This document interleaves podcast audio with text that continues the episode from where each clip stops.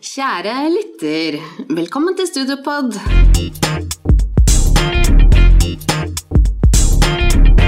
I dag har vi vært så heldige å få Line i studio. Velkommen til deg. Tusen takk. Du har utdannet deg som vernepleier. Tatt en treårig bachelor. Eh, Hvor er det du gikk på skole? I Bergen. I Bergen. Høgskole i Bergen. Ok, ja. Eh, Vi er jo litt nysgjerrige da, på å høre litt om bakgrunnen for det valget du har tatt. Vil du si litt grann om det? Ja, først og fremst så er jo jeg vokst opp i helsevesenet. Ah. Der begge foreldrene mine er sykepleiere. Okay. Ja, og min bror som er eldre enn meg også har jo tatt en kommunal utdanning. Så du kan jo si at jeg kanskje er født litt inn i det. Fått det inn rett og slett der. Og vokst opp i tjenestebolig. Så det var, det var sånn helt naturlig. Det var det man gjorde. De fleste jeg vokste opp med, jobba i helsevesen. Eller kommune eller stat. Så det var på en måte litt sånn Ja. Kanskje egentlig litt annerledes eh, oppvekst har jeg tenkt i ettertid. For jeg har en sånn veldig naturlig forhold til det. da. Ja. Så det var ikke sånn at du følte at det var en forventning om at du skulle følge i samme rett? Det kan det også. Ja! Det er ja. begge deler. Og, um, og uh, jeg, var, jeg begynte på vernepleierutdanninga som ganske voksen. Ja. ja, hvor lenge er det siden? Altså, jeg begynte i 2007. Ja. Jeg var ferdig i 10, 2010. Og um, det har med at jeg fikk, jeg fikk barn veldig tidlig og var usikker på hva jeg skulle gjøre videre. Så da gjorde jeg, jobba jeg masse og gjorde masse forskjellige ting. Mm. Er det lov å spørre hvor gammel du var i 2007? Eller er det ufint? Altså, jeg er 42 nå, da. Ja. Hvis jeg tenker tilbake, så var jeg, jeg var ferdigutdanna når jeg var rett rundt 30. Ja. Ja. Mm. Ja. Og, eh, og det er egentlig en fordel. Ja. Det må jeg si. At I sånne yrker og sånne yrkesfag så er det en fordel å være voksen, tenker jeg.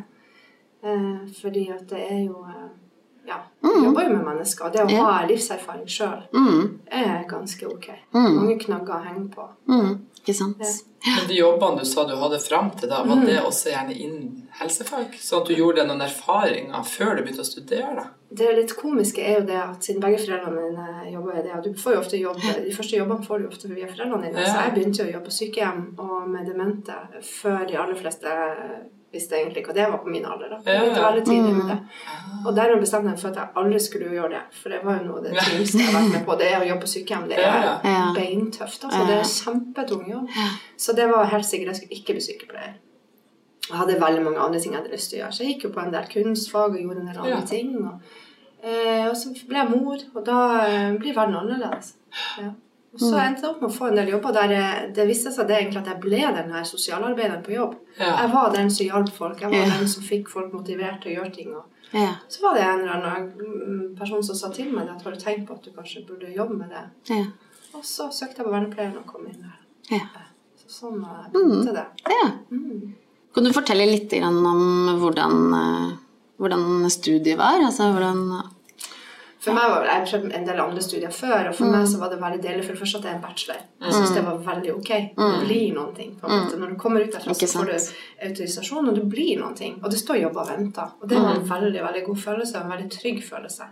I stedet for å ta kunsthistorie der og Mm. drama der og kunst og håndverk der, som jeg hadde gjort før. sånn shoppa rundt, så, så var det her noe sånn der bygger du opp ting. Og det var veldig ok. Og du Mm. gikk i en klasse, på en måte. Det var veldig trygt. Ok. God kontakt med lærerne. Ja. Mm. Var dere mange i klassen? Vi var vel, begynte vel på rundt 60. Ja. Ja, så også- faller du ja. av også. Ja. Mm. Men kan jeg spole litt tilbake, fordi du sa at foreldrene dine var sykepleiere. Mm. Eh, eh, hva var, hvordan ble du kjent med vernepleier? Hva var grunnen til at du valgte vernepleier blant alle disse helsefagene? Hadde du gjort noe research, eller hadde du noen så du kjente som var vernepleier? Uh, um, det er et godt spørsmål. Um, jeg visste i hvert fall at jeg ikke skulle bli sykepleier. Ja, okay. Og det handler litt om at jeg vokste opp på det der og Ja. jobber på sykehjem. Og jeg har, min mor har gjort mange forskjellige Ja. jobber der, og, og jeg er ikke så glad i somatikken. Jeg er ikke så veldig glad i å se åpne sår, og jeg er Nei. ikke så glad i de, de der tingene der. Og da kjente jeg på at det vil jeg ikke. Mm. Og så visste jeg, så gjorde jeg jo litt research og skjønte at vernepleie er jo en utrolig allsidig Mm. basisutdannelse. Så har du den i bunnen, så kan du gjøre utrolig mye forskjellig. Og du kan jobbe med så utrolig store varierte um, brukergrupper, da. Mm. Eh, så det var jo det som, uh, som tiltalte meg, da. Ja, så der, det fant du på en måte ut av sjøl? Det var ikke Ja. rundt deg som hadde jobba som vernepleier? egentlig ikke. Der jeg vokste opp i Bodø, så var det vel ikke vernepleierutdanning da. Nei. Så jeg husker jeg, når jeg tenkte tilbake i ettertid, så har jeg møtt én vernepleier i hele mitt liv før det. Oh, ja. Oppi alt dette helsa som jeg har gått i, så var det Ja. egentlig altså fysio, ergo, sykepleiere og leger og psykiatriske sykepleiere. Ja, ja, ja. Det var det mine foreldre jobber mye med. da. Så, men ikke vernepleier. Men får du ofte spørsmål om hva det er? Fordi det er jo kanskje Ja. litt sånn nytt ja, at det ikke er så mange som kjenner så godt til hva en Ja. vernepleier egentlig kan Ja, jobbe med. man, at man kan bli sår på det òg i begynnelsen. Ja. Jeg er veldig sår på det, og jeg ble kjørt av foreldrene mine og på det der òg. Eh, stolte sykepleiere som var litt sånn Ja. Kan ikke du enten bli sykepleier eller lærer? Hvorfor skal du bli vernepleier? Er sånn midt imellom. Og det gjorde jo til at jeg tenkte at jeg skal vise dem altså, Gjennom utdanninga så ble mitt kull Vi var veldig obs på hva er vår identitet. Vi er ikke sånn nesten sykepleiere, vi er ikke nesten lærere. Mm. Og så var jo vi veldig på det at vi egentlig skulle ønske at det ikke heter vernepleier, men sosialpedagog, sånn som det heter i Danmark f.eks. Ah, Ja. det det. Mm. Det er jo litt mer, det er jo en tittel som kanskje er litt mer treffende, sånn som vi følte det da. Ja. Mm. Um, og så er det jo det der sammenligningsgrunnlaget. Plutselig så tenker folk at du er hjelpepleier, og så blir det sånn Kjenner du litt, du blir litt sår på Ja, det? Ja, ja, ja. for det. Jeg har gått tre år på høyskole. Ikke kom og si Og det er ikke noe annet om hjelpepleiere, for de gjør en kjempejobb. Ja. Eh, men ja. Men det er jo litt sånn som du sier, vernepleier. Altså det, er ikke, det er jo ikke noe selvsagt hva det innebærer. Akkurat som en tannlege eller et annet type yrke. Um, men kanskje du kan si litt om hva, hvor er det, hva, hva, hva slags jobber kan en vernepleier ha? Da? Altså, hva, Det er jo et veldig stort felt. ja. og det er mange, altså Jeg har jo flere av mitt kull. Hvis du tar mitt kull som utgangspunkt, da, som er egentlig ganske variert kull, så er det jo en del eh, eh, Merkelig nok, jeg vet ikke helt hvorfor, så de mennene som ikke i kullet vårt, var kanskje en, en fjerdedel av kullet vårt var menn. Mm. De er endt opp ofte i barnevernsinstitusjoner. ja. Private eller offentlige. Mm. Eh, så der kan du jo jobbe innenfor barnevern. Og så har du jo en del som ender opp å jobbe i ruspsykiatri. Eh, Eldreomsorgen. Noen går inn i så å si sykepleierstillinger på sykehjem osv. Mm. Men også andre typer stillinger på sykehjem. Jeg er ikke veldig kjent med det, men du kan virkelig jobbe i eldreomsorgen nå. Mm. Og så har du jo, som jeg sa, rusfeltet, psykiatri. Eh, og så har du den største som egentlig vi var Den utdanninga ble laga til. Det å jobbe med mennesker med utviklingshemming. Ja. Ja. Som har vært mitt felt. da. Mm. Eh, så, så det er jo et, et veldig stort felt. Og fengsel, ja, blant annet. Er det jo en del vernepleiere som jobber også. Ja, for det er vel litt så forskjellig, vil jeg tro, når du møter folk, hvilken kjennskap de har til yrket. Fordi Sjøl så kjenner jeg til vernepleiere gjennom at de driver med mye sånn atferdsanalyse og type atferd i forhold til utviklingshemma, så du sier. Er det det som, Hvis du skal fortelle andre kort fordi det er en ting at ja, man kan jobbe innen ulike områder, for det kan jo mange helsefagarbeidere. Men hvis du sjøl skal si med på en måte noen setninger hva en vernepleier har som hovedfokus annerledes enn en sosionom eller sykepleier eller ergoterapeut som alle kan jobbe inn de samme feltene, hvordan forklarer du hva en vernepleier er, hvis du skjønner hva Ja. jeg vil? Eh, nei, det, uh, det, det, jeg, er jeg er så glad for du spør, for nå er det en stund siden jeg har svart på det, og det kjenner jeg, det trenger man jo. Man Ja, trenger jo ja, ja. få liksom den der. Um, nei, jeg liker den der sosialpedagog-uttrykket. Ja. Fordi at eh, det er det vi jobber mye med. Det er jo å hjelpe folk til å leve i det samfunnet vi alle lever i. Men det er mange mennesker som har utfordringer rundt det. da. Eh, Som har spesielle behov på et eller annet vis. Alle de gruppene jeg nevnte, de har utfordringer med det og, og er knytta til et samfunn og et system som mange andre syns er helt greit å forholde seg til. Så det er den sosialpedagogiske biten er jo viktig. Mm. Eh, I tillegg så har vi jo en helsefaglig del som Mm. gjør at vi kan ganske mye somatikk og helse også i tillegg. Mm. Så det er jo denne komboen der, da. At vi har den helsefaglige, men også den mye pedagogikk, mye psykologi. Mm. Mm. Har, um, ja, for da, dere hadde anatomi også? I, Ja, ja, ja. i- ja. Mm. Anatomi, farmakologi, Ja, sykdomslære, Mm. pleiepost. Ja. Ja. Mm. Så vi har en Mm. god del eh, Kan til og med sette en del injeksjoner. Ja. Ja. Eh, ja. Så det er, det er på en måte den helsefaglige biten er ganske stor i Mm. studiet. Men vi har mer eh, I hvert fall når jeg gikk da siden, Mm. vi hadde mer pedagogikk og psykologi da. Og Ja. sykdomslære knytta til andre sykdomslærer. Ja. Det kanskje de har på, eh, på sykepleierutdanninga, Ja. for. Hvordan er forholdet mellom teori og praksis i, under utdanninga? Ja, du har jo en praksis hvert studieår, da. Ja, ok. På, Ja. da jeg gikk, så var det vel på i hvert fall åtte uker, om det ikke var ti. Ja, hvert studieår. Hvert studie. Hvert studieår, ja. Mm. Mm. Og det er knytta til da, opplegget du har det studieåret. Ja. Så det er en pleiepraksis. eh, Der, eh, når jeg gikk, Nå vet jeg jo ikke, det skjer jo endringer, med Ja, meg. ja. så det er en pleiepraksis der du eh, ja, skal jobbe i pleie og stell. Mm. Så da er det gjerne sykehjem eller hjemmesykepleie eller eh, boliger med mennesker som har pleietrengende behov. da. Mm. Bofellesskap, Mm. for eksempel. Og så andre året når vi gikk, så var det da en, en miljøpraksis. Der jeg jobba som i miljøet Ja. som miljøterapeut, mer eller mindre. For Ja. miljøterapeut, og da jobber du jo direkte knyttet opp mot tiltak til brukere. Du skal være med å utarbeide det og sånn. Og så siste året så er det en systempraksis, der du skal få litt mer overblikk på hva, hvordan systemet fungerer.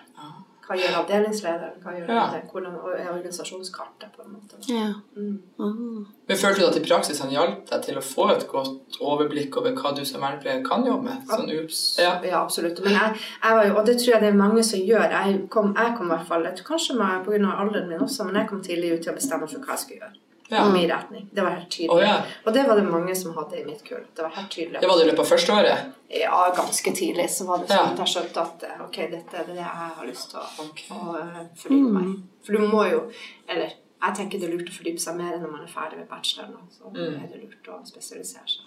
Mm. Ja, siden det er så mange felt man kan jobbe inn. Og så overlapp. Jeg tenker litt sånn Det er jo litt sånn overlapp hvis du i forhold til at man kan jobbe med mye litt som mange andre yrkesgrupper og kan. da. Så man blir liksom tydelig på sitt eh, Vi har jo en del juss også. Ja. Så det er klart, Og det må man jo ha. Så skal du jobbe som vernepleier i, i spes- ja, Nå skal jeg ikke si for sikkert det, men i hvert fall uansett da, hvis du jobber med mennesker med utviklingshemming, så må du jo vite hva slags lovverk du Mm. skal forholde deg til. Ja, ja. Og det i forhold til deres rettigheter, men også i forhold til plikter og hva det står i. Så vi har en god del jus også. Dere er jo gjennom utrolig mye Ja. forskjellig. Ja. Eh, og som andre utdanninger også, så er det en veldig sånn generell utdanning. eh, hvor man har mulighet for å jobbe innen mange felt. Eh, og det er jo, som du sier også, at eh, det behovet for videreutdanning er jo sikkert eh, Kommer vel også fram på et eller annet tidspunkt, enten når man begynner å jobbe et sted, og at det da kommer etter noen år, eller, eller så er det noen som gjør det med en gang. Eh, hvordan var det for din del når du var ferdig med studiet? Begynte du å jobbe, eller tok du noe videreutdanning? Jeg merker, jeg liker jo veldig godt å studere, men jeg merka jo veldig fort at når jeg eh, hadde skrevet, eller når bacheloren skulle være ferdig, bacheloroppgaven, så følte jeg ikke at jeg var ferdig. Så Nei. jeg likte den eh, forskningsprosjekten og det å, altså det å, det å på en måte få være i det sånt prosjekt der du driver og forsker ut eh, teser eller teorier og finner ut av ting. Jeg syns det var veldig interessant. Mm. For da gjorde jeg det i sammenheng med praksis. Ja. Da er det klart, da har du det muligheten. ja, hva skrev du bacheloroppgave om? Ja, det er ganske innvikla. Oh, ja. Ja, okay. Men jeg skrev, jeg skrev egentlig om um, hvordan man Altså kommunikasjon, for å si det Ja. enkelt. da. Ja. For det er jo det vi jobber mye med. Da, når vi ja. jobber med mennesker med utviklingshemming som ikke har verbalspråk, så er jo kommunikasjonen en ganske stor utfordring. Så når jeg er ferdig med, skulle være ferdig med bacheloroppgaven og var levert den inn, så følte jeg ikke jeg var ferdig. Jeg hadde så mye mer. Ja. Så jeg var egentlig der at nei, jeg skal jo ta master i hvert fall. Og, ikke sant? Var, Du var så rett? Ja. Ja. Jeg har veldig lyst til det. Og så begynte jeg å jobbe, og, og trivdes jo kjempegodt i jobb og var veldig engasjert. Og Ja, hvor fikk du din første jobb, da? jeg, fikk, jeg var veldig heldig. Jeg fikk jo egentlig tilbud om jobb i alle praksisperiodene. Oi. Så jeg jobba alltid en periode etterpå, så jobba jeg litt i den. I, og det er det mange som gjør. Og det er veldig kjekt, for da får du utvida den praksisen, og du får Ja. til å stå litt på egne bein og prøve deg ut. Så det, ja, det er trygt, ikke sant. Ja, men det er jo det som er så bra. Vi har snakka om det i tidligere episoder òg, det med at når man har vært i en praksisperiode, så er det også gjerne en litt sånn inngangsport til eh, å kunne få jobb etterpå. Så du erfart, eller du fikk tilbud om jobb etter alle praksisperiodene? Ja, ja, og det var det mange som gjorde. Ja, og, og vi valgte jo praksisplassene våre sjøl. Det kunne jo ønske oss. Oh, ja. og siste året var det litt spesielt, for da hadde vi praksis eh, eh, over jul. Jeg må virkelig tenke på Ja, over jul. Og em, rett før vi skulle begynne på bachelor. Så vi hadde jo Ja. til å bruke det som, som forskningsfelt. Det var det som var så bra. Ja, ja. um, og da vi, måtte vi også til og med skrive en søknad på hva vi ville, hvor vi ville ha praksis. ja. Og så satt det, da var det lærer og praksisansvarlig og to medstudenter som satt i en gruppe da og sorterte ut og plasserte folk Ja. på praksisplasser. Så det var en veldig nøye Ja. prosess. Veldig fin prosess. Ja, Ja. Um, og da husker jeg det at da hadde jeg allerede jobba med mennesker med, multifunksjonshemming og syntes at det var veldig veldig spennende. Uh, og, og tatt et kurs på egen hånd. Eh, spesialisert meg allerede, begynt å ta et kurs på egen hånd. Betalt for egen lomme. Uh, ja, veldig engasjert. ja. Mens du gikk på Mens bachelor? jeg gikk på Wow. Ja. Du hadde virkelig truffet ditt felt. skjønner Ja, og, og det, det kurset der som heter Aktiv læring, heter den eh, måten å jobbe på. Eh, tilnærminga. Og, og da var det da et par steder i Bergen kommune de jobba akkurat innenfor dette her. Så jeg ville jo gjerne jobbe, eh, ha praksis på det dagsenteret der de Ja. jobba mye med dette. I tillegg så var det et tilbud om praksisperiode i fengsel. Og jeg var så nysgjerrig på det. Jeg hadde en sånn skrekkblanda fryd på det der lille, tynne, spinkle dama inn der på fengsel. Og var litt sånn wow, skummelt. Men Ja, ja. samtidig, gud, hadde det ikke vært tøft å bare prøve. Mm. Så mine søknader til de to plassene var like sterke. Ja. Så de ringte meg til slutt og sa at hva er det du egentlig vil? Oh, Ja. ja. Da ble jeg litt sånn Gud, jeg vet ikke. Nei. Men da ble det dagsenteret, da. Og Ja. på en måte feiga litt ut, kanskje. Ut, ja, jeg tenkte kanskje. kanskje litt at ja, det var litt dumt i ettertid, Ja. da. Men likevel så fikk jeg jo jobb på dagsenteret. Så jeg gikk jo rett fra praksis Ja. til Jeg leverte inn um, bacheloroppgaven jeg husker vi var torsdag eller fredag, og så begynte jeg å jobbe som vernepleier liksom uka etter. Ja. Det var ganske På et heftig. dagsenter. Ja, på et Ja. dagsenter. Ja. Men kanskje et dumt spørsmål, fordi jeg er jo fortsatt en av de som ikke Eller jeg har litt erfaring med å samarbeide med vernepleiere, men samtidig så, så Hva ville vært naturlige oppgaver for deg i et fengsel? Det klarer ikke jeg helt å se sånn umiddelbart. Mm. Det er jo da som miljøterapeut. Da. Ja, det er det som Ja, og det er jo ofte de stillingene man får eller søker på som vernepleier. Ja. Det er jo miljøterapeutstillinger. ja selvfølgelig. Det er jo ikke som vernepleier. Nei, det er som Så- miljøterapeut. Ja. Så de fleste stillinger, hvis du går på Finn og søker, så tenker jeg kanskje at du finner flere som det står miljøterapeut på, Ja. enn vernepleier. Ja, ikke sant? Det er forskjell fra kommune til kommune. Ja. Eh, ja, det har vært mye fram og tilbake på det der, da, og mange syns jo ikke det er så greit. De, mange vil jo bli ansatt som vernepleier og ikke miljøterapeut. Ja, for ja, Mm.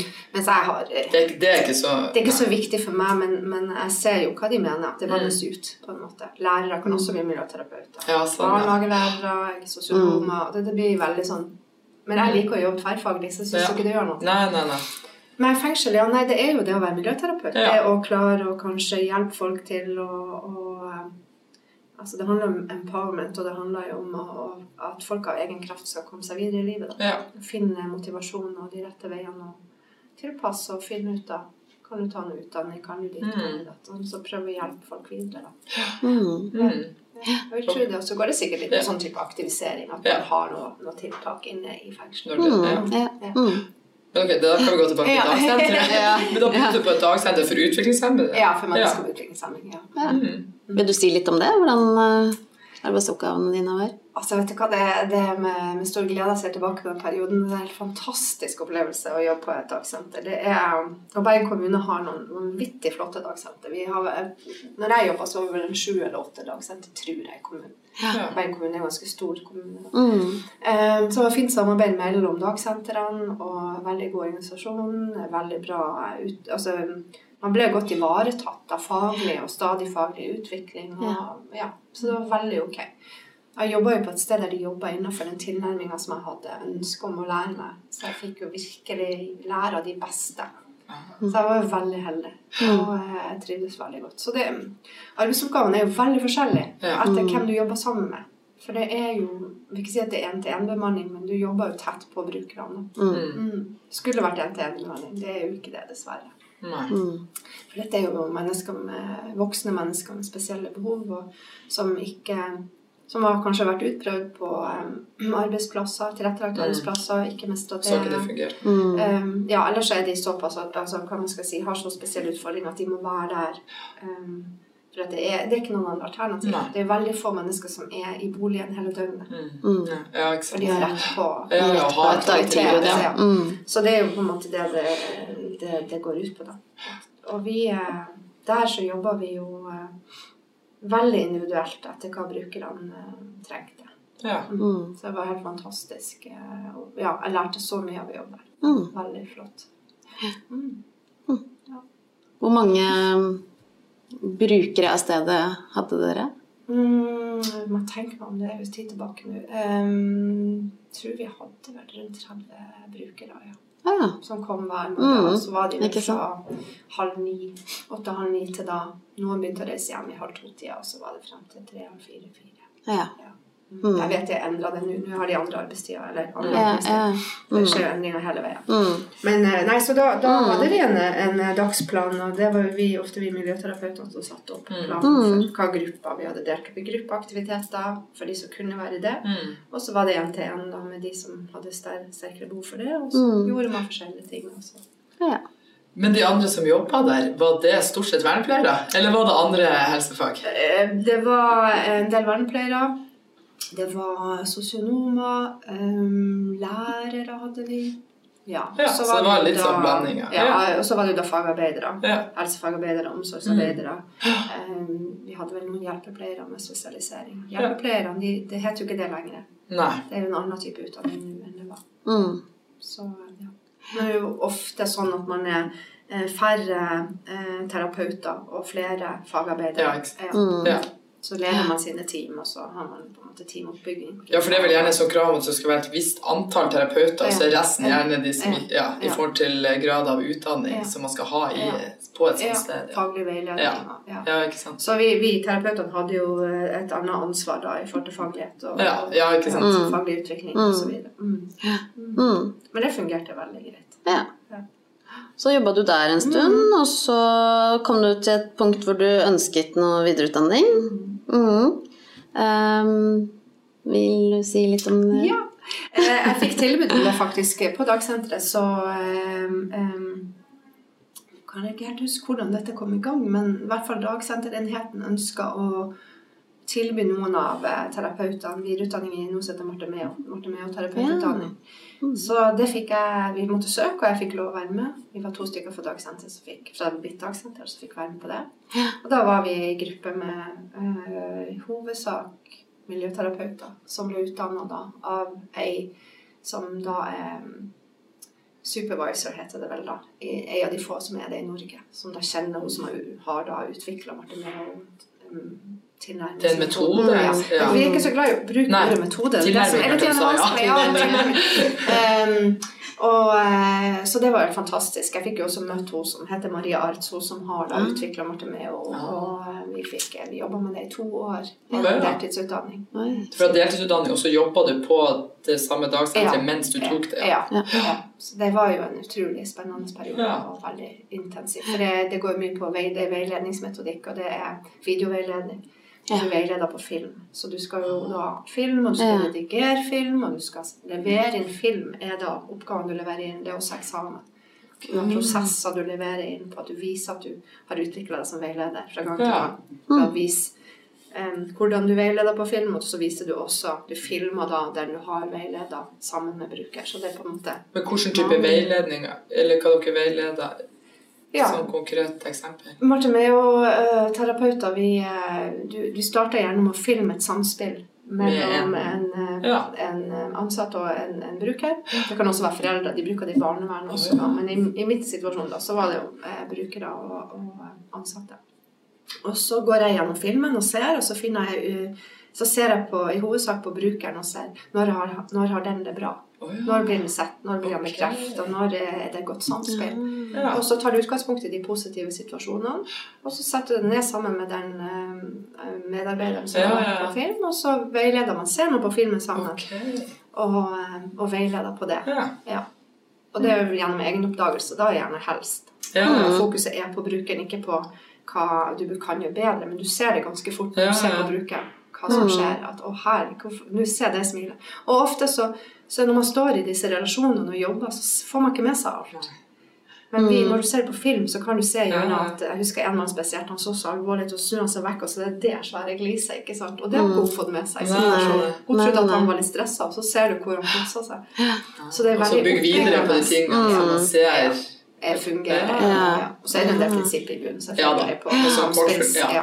Sant. Så, um, så det var en heftig utdanning, men Ja. utrolig kjekk og veldig praktisk. Men er det en kjent utdanning Ja. som hvis du skulle ha søkt deg videre i jobber, at du hadde den i tillegg? Ja, ja innenfor Ja. mitt fagfelt som ble Ja. terapeututdanning nå, som. Ja. Mm. Så det var den første, første videreutdanningen jeg tok. Ja. Ja. Og syntes det var veldig, veldig spennende. Mm. Og da, i, i den settingen, så var det sånn at det var den videreutdanningen du hadde fikk tilbud om å ta, ikke sant? Ja. Mm. ja. Og Så samtidig, så når jeg jobbet på dagsenteret der, så um, drev vi jo på kursing med dette som går på den aktiv lærings... eh, den måte å jobbe på, den tilnærmingsmåte. Ja. Kartlegging og tilnærmingsmåte, som jeg da også fikk kurset meg opp i. Og har Mm. fått tatt maks ut på det, da. Mm. Og vært med og, og hjulpet til rundt kursing også sjøl. Sånn at jeg fikk på en måte veldig utbytte av det. Så det er jo også en spesialisering. Ja. Det å Mm. kunne den tilnærminga da, og Mm. måten å jobbe på, måten å kartlegge på, og tilrettelegge på. For det er ganske omfattende eh, dansk eh, dame som har utvikla det. Det er en ganske omfattende måte å jobbe på. Det. Mm. Og de metodene passer godt sammen. Ja. Sånn at da fikk jeg på en måte veldig mye, mye ut der. Ehm, ja, du, du har snakket om Du var litt inne på det her i stad. Det er den ene videreutdanningen du har tatt. ja. Jeg ble jo litt nysgjerrig da Ja, på hva, hva mer kommer. Eh, nei, altså det er eh, Akkurat disse her to, de, de var jo eh, veldig praktiske, hva man kan kalle videreutdanninger. Og så eh, etter hvert så eh, Av ulike grunner så bytta jeg litt felt. Da prøvde jeg meg på, eh, på bofellesskap. Eh, og da jobba jeg to ulike bofellesskap, altså kort periode i og kort periode i et annet. Og eh, så hadde jeg jobba i dagsenter, og i praksis så hadde jeg jobba med, med ei jente som fikk spesielt tilrettelagt skolegang. Multifunksjonshemma eh, jente. Så jeg hadde jobba allerede med barn, og så jobba jeg med voksne på dagsenteret. Så jobba jeg med ungdom i ett bofellesskap, og så jobba jeg med eldre i ett bofellesskap. For jeg hadde litt lyst til å få med meg på en måte bredden. Hva, hva er det livet deres består av? Mm. Hva er det egentlig, Hvordan er dette livet? Hvordan jobber kommunen med det her? Så jeg var veldig Ja, så det var et bevisst valg at du ville få en Bredere kompetanse? ja, jeg er litt nysgjerrig av meg. og at det er... Så har jeg også en kropp som har hatt litt skavanker. Og det å jobbe med mennesker med multifunksjonshemming og, og voksne mennesker, det er en veldig tung er fysisk jobb. Så jeg kjente litt på kroppen òg at jeg er nødt til å, ta andre ting også. enn Ja. andre ting. Mm. Og så var jeg interessert i Det var kanskje også det vi startet vel egentlig allerede i den bacheloren, eh, bacheloroppgaven, det der med å, å jobbe med kommunikasjon og, og hvordan man kan bli en god kommunikatør Ja. for disse menneskene. Altså du, du er nødt til å gi en støttende kommunikasjon for at de skal kunne kommunisere. ja. Mm. og min verdi ble at alle mennesker har rett til å kunne kommunisere. Det var det jeg ønska å bli god på. Hvordan kan jeg få disse menneskene til å kommunisere best mulig? Hvordan kan jeg være tilgjengelig for det? Og da var det artig å prøve seg ut på disse forskjellige gruppene. Så da endte jeg opp med å jobbe med mennesker med lettere utviklingshemming, som er et helt annet felt. Ja. Ja. Så jeg fikk jo den bredden der. Og så etter en stund da, så ble det til at eh, det å jobbe turnus det var ikke så populært i familiesammenheng med barn Nei. og mine og dine barn og alt det der. Det er en moderne familie. Så da endte det opp med at jeg tenkte jeg må, jeg må tilbake til en dagjobb. ja. Og da lystes det akkurat ut en avdelingslederjobb. Så da eh, fikk jeg et vikariat som avdelingsleder på ei forsterka avdeling på barneskolen. barneskole. På en barneskole? Ja. ja. Og som da er SFO-avdelingsleder, og vi Ja, ja. var to, to avdelingsledere på den forsterka avdelinga. ja. Så han, han, han andre som jobber med meg, hadde, avdeling, hadde avdelingsansvaret for skole, og jeg hadde for SFO. Så jobba vi veldig tett sammen, så vi drev liksom avdelinga sammen, Ja. vi to. da. Men hadde du tatt noe mer utdanning imellom Nei, der? da begynte jeg på, Da da begynte, begynte jeg på videreutdanning i ledelse. Oh, parallelt med at jeg ja, jobba der. Ja, ja, ja. Mm. Så det var, det var da kursen videre. Veldig Men hvor lenge det her skjer? Du har rukket så mye. Ja. liksom. Ja, det, er- det er jo det at jeg er en, en nysgjerrig og utforskende person. Og Ja. jeg tenker at det er så mye mer. At når jeg får oversikt og danner meg et bilde av noe, så tenker jeg men det er jo så mye mer Så der. det, ja, Ja, så det ja. enda enda mer, Ja. utvikler meg enda mer som fagperson og, og finner ut enda mer. Ja. Så, um, så når jeg kom der som avdelingsleder, så var jo det veldig spennende. Ja. Um, knalltøft. Um, å ha personalansvar for 25 eh, stykker og drive i avdeling med Ja. all logistikk og, og alle foreldre du skal ha ansvar for eller, eller kontakt med. Og, ja, det var veldig svær, en svær jobb Ja. um, som krevde sitt. Men du fikk den jobben før du begynte på videreutdanninga, sa du? Ja, Ja. så tok jeg det sjøl. Kjente behov for, ja, Ja, kjente behov for at eh, her trenger vi å ja, Jeg har Ja. lyst til å kunne dette mer. Ja. Det syns jeg det var behov for. Fikk også kurs gjennom kommunen, og det var veldig bra. Så lederkurs eh, Ja. som var veldig grundig og veldig Ja, varte over en lang periode, da. Så, ja. Veldig, veldig spennende. ja, det er det som er så fint med en sånn type utdanning. Det er at du kan jo på en måte Ja. bruke det til så mye forskjellig. Ikke sant? Så Ja. det var jo det vi snakket litt om. Det er jo en veldig bred utdanning. Ja, eh, Og man får muligheten til å prøve veldig mye forskjellig hvis man eh, er nysgjerrig og ønsker å prøve seg på forskjellige felt.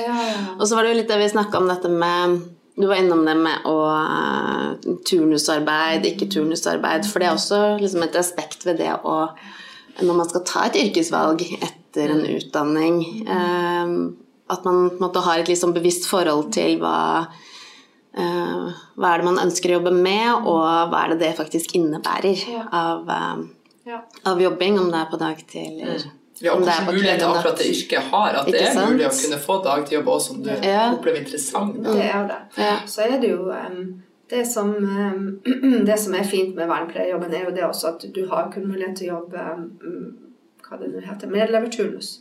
Det er jo en del eh, institusjoner, eller hva man skal kalle jeg vil nesten si, også lov til å si kalle institusjoner, men jeg tror ikke det er helt korrekt. Men eh, innenfor eh, rusomsorg og innenfor barnevern Ja. osv. Så, videre, så er det en del eh, boliger, institusjoner som har medleverturnus, der du er på og du sover der, og du er der eh, så og så mange døgn, og så har du fri så og så lenge. Okay. Ja. Så det er jo også en, en, en annen måte å jobbe på. Ja. Så mange det er er flere greit. muligheter. Ja. Ja. Og langvakter. Noen har kjører langvakter der du jobber hele fra morgen til kveld to-tre dager, og så har du en pause der du ikke jobber noen Ja. dager, så du på igjen.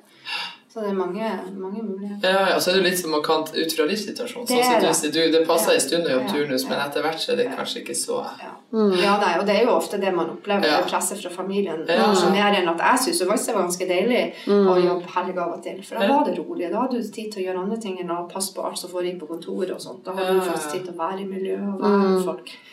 Det gjør eh, det som vi egentlig føler liksom utdanna til, da. Det er jo tett på brukerne. Mm. Ja. Mm. Um, tenker du det er andre ting som er viktig å tenke igjennom før man liksom tar det valget om å utdanne seg til å bli vernepleier? Um, Jeg tenker jo at det er en balansegang, men jeg tror allikevel at du kanskje må ha et visst samfunnsengasjement, og du må ha et visst engasjement for brukergruppa. At du Mm. kanskje tenker at det er en grunn til at du går der. Det er mm, noe du ønsker å gjøre.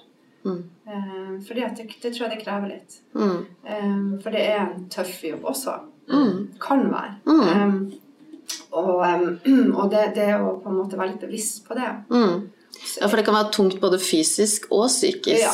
på mange måter. Ja, absolutt. Mm, Og eh, det er klart at det finnes jo eh, Du kan jo velge ut fra hva jobber du søker på. Mm. Det finnes jo utfordringer i fleng i forhold til det med atferd og utageringer, f.eks., som er veldig utfordrende jobb. mm, Så det er klart at du velger jo sjøl. Du trenger Ja. jo ikke å jobbe med det. Nei, du kan sant. også jobbe med det. Mm. Du, kan bli utsatt for en del ting som er utfordrende. Så hvis du tenker at det er spennende, så skal du få tenke gjennom det. da. mm, Men likevel, uansett, så tenker jeg at eh, det er en veldig god grunnutdanning å ha. mm, Hvis du tenker at du er interessert i å kunne jobbe med mennesker, så er det Mm. virkelig en veldig god grunnutdanning. Ja, Mm. Absolutt. mm. Ja, der kommer vi inn på dette med personlige egenskaper og det å ha evne til å jobbe med mennesker også. Mm. det er jo en annen diskusjon, men er i andre yrker så er det jo opptakskrav for å komme inn på studiet, men det er det vel ikke på vernepleie, der det går Nei, det på karakter. karakterer. Går- Ja, Ja, ja. Det, det kan du jo si. at det kan godt hende at kanskje det skulle vært noe intervju eller noe slags praksiskrav praksiskrav der. Mm, Eh, samtidig så tenker jeg at vi er jo også en tid der vi trenger folk på Ja. mm, Altså Det får være grenser, tenker jeg, på et tidspunkt. Altså Vi trenger folk på gulvet. Vi trenger sant? folk som gjør en jobb. Og Ja. da må vi av og til tenke at hvis noen har interesse av å søke der, så må de få lov å gjøre ikke det. sant? Det er Mm. litt der òg, at Ja. det skal være plass til alle. Ja. Og vi er forskjellige. Og jeg tror også at um, brukergruppa er så uensarta. Vi trenger uensarte folk i jobb Mm. også. Mm, ikke sant? Det er noe med det. Og hvem skal vurdere om du er god nok? Det er det. Mm, Det blir noe det der som Mm. blir Og så er det noe med det at er du for engasjert, så brenner du ut òg. Så Mm. det er en balansegang, altså. Det er en veldig sånn Det er det jeg sier at det er både òg. Du skal være engasjert, men du må også ha en viss eh, filter. Du må ha en viss mulighet til å kunne stenge av. mm, Eh, det er jo eh, Mm. det er jo en viktig del av å jobbe med Mm. spesielle folk. mm. Mm. Men tilbake til den skolejobben du fikk. Eh, var du der lenge?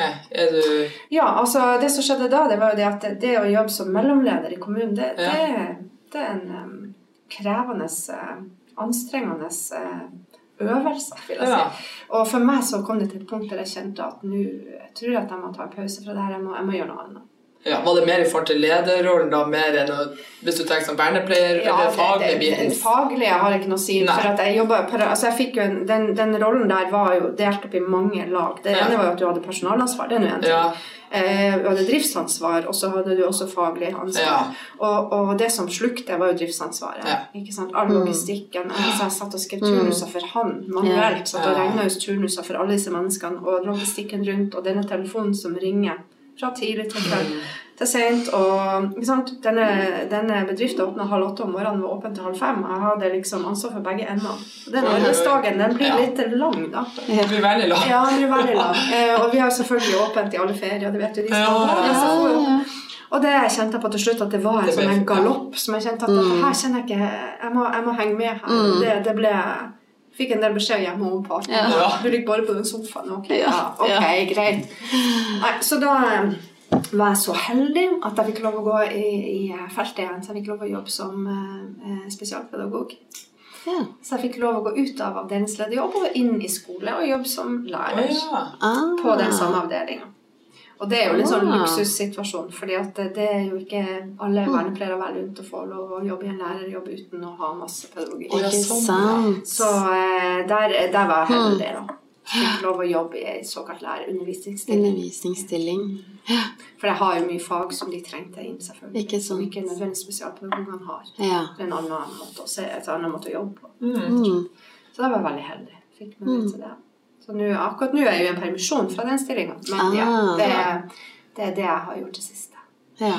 Men man skjønner jo at det er mange muligheter. Ja, ikke ja. sant? Mange muligheter. Ja. Og når jeg ser på de som jeg gikk på skole med, så ser jeg hva de jobber med òg. Mm. Så er det utrolig Det er mye forskjellig. Ja. Noen sitter i forvaltningsjobber. Ja. eh, Saksbehandlingsjobber. Ikke sant. andre jobber og elsker å jobbe på feltet og i på gulvet og gjør det. Noen Ja. jobber på sykehjem, og noen jobber Mm. det, det er liksom alle muligheter. Ja. Ja. Mm. Akkurat det kan man ønske. å- Ja, det handler liksom om å fordype seg og spesialisere seg og se på hva Ja, man ja, ja. vil. Mm. Men det høres ikke ut som du angrer på at du tok til valget med å bli vernepleier. Absolutt ikke. En Nei. veldig anvendelig, en veldig anvendelig bakgrunn. Og, og man kan godt, det, jeg sier ikke at man må ta videreutdanning for all del. Man kan Nei. godt trives kjempegodt med å jobbe som vernepleier eller miljøterapeut. Ja. Fordi at det, er, det handler jo om hva man er som menneske, og hva man Ja. ønsker seg. Men jobbmulighetene opplever du er der liksom, når man har tatt vernepleierutdannelse? Ja, ja, Ja. det opplever jeg absolutt. Hvis du er interessert og engasjert, så, så Ja. tenker jeg at det handler om det. Ja. Ja. Og du kan godt være et sted så lenge du vil òg. Det er mange som jobber samme sted i Ja, 35 år. Altså. Det er helt Og som du sa det med at man også gjerne kunne få Eller at det var muligheter for jobb etter praksisperiodene. Ja, ja, ja, ofte er det sånn. Og det blir jo, altså, vi brukte å si det at de praksisperiodene er jo som en sånn to måneders lang intervjurunde. Ja, ja. Jeg føltes sånn da, for vi visste Ja, ja, at du Man får liksom tjuvstarta opplæringa. Ja, det er litt sånn. Og det er jo vinn-vinn for Ja, ja, ja. organisasjonen. Absolutt. Ja. Og de fleste jobbene er jo i offentlig sektor. Ja. Ja. ja da, så det private er jo gjerne Ja, nå kommer de private aktørene mer og mer på banen, da. Faktisk også innenfor tjenester til utviklingshemmede. Faktisk. Det er jo det nye. Mm. Eh, men eh, Så de private aktørene har vært veldig gjeldende i barnevern, psykiatri, Ja. for eksempel. Mm. Eldreomsorg går faktisk i en del byer, og kommuner.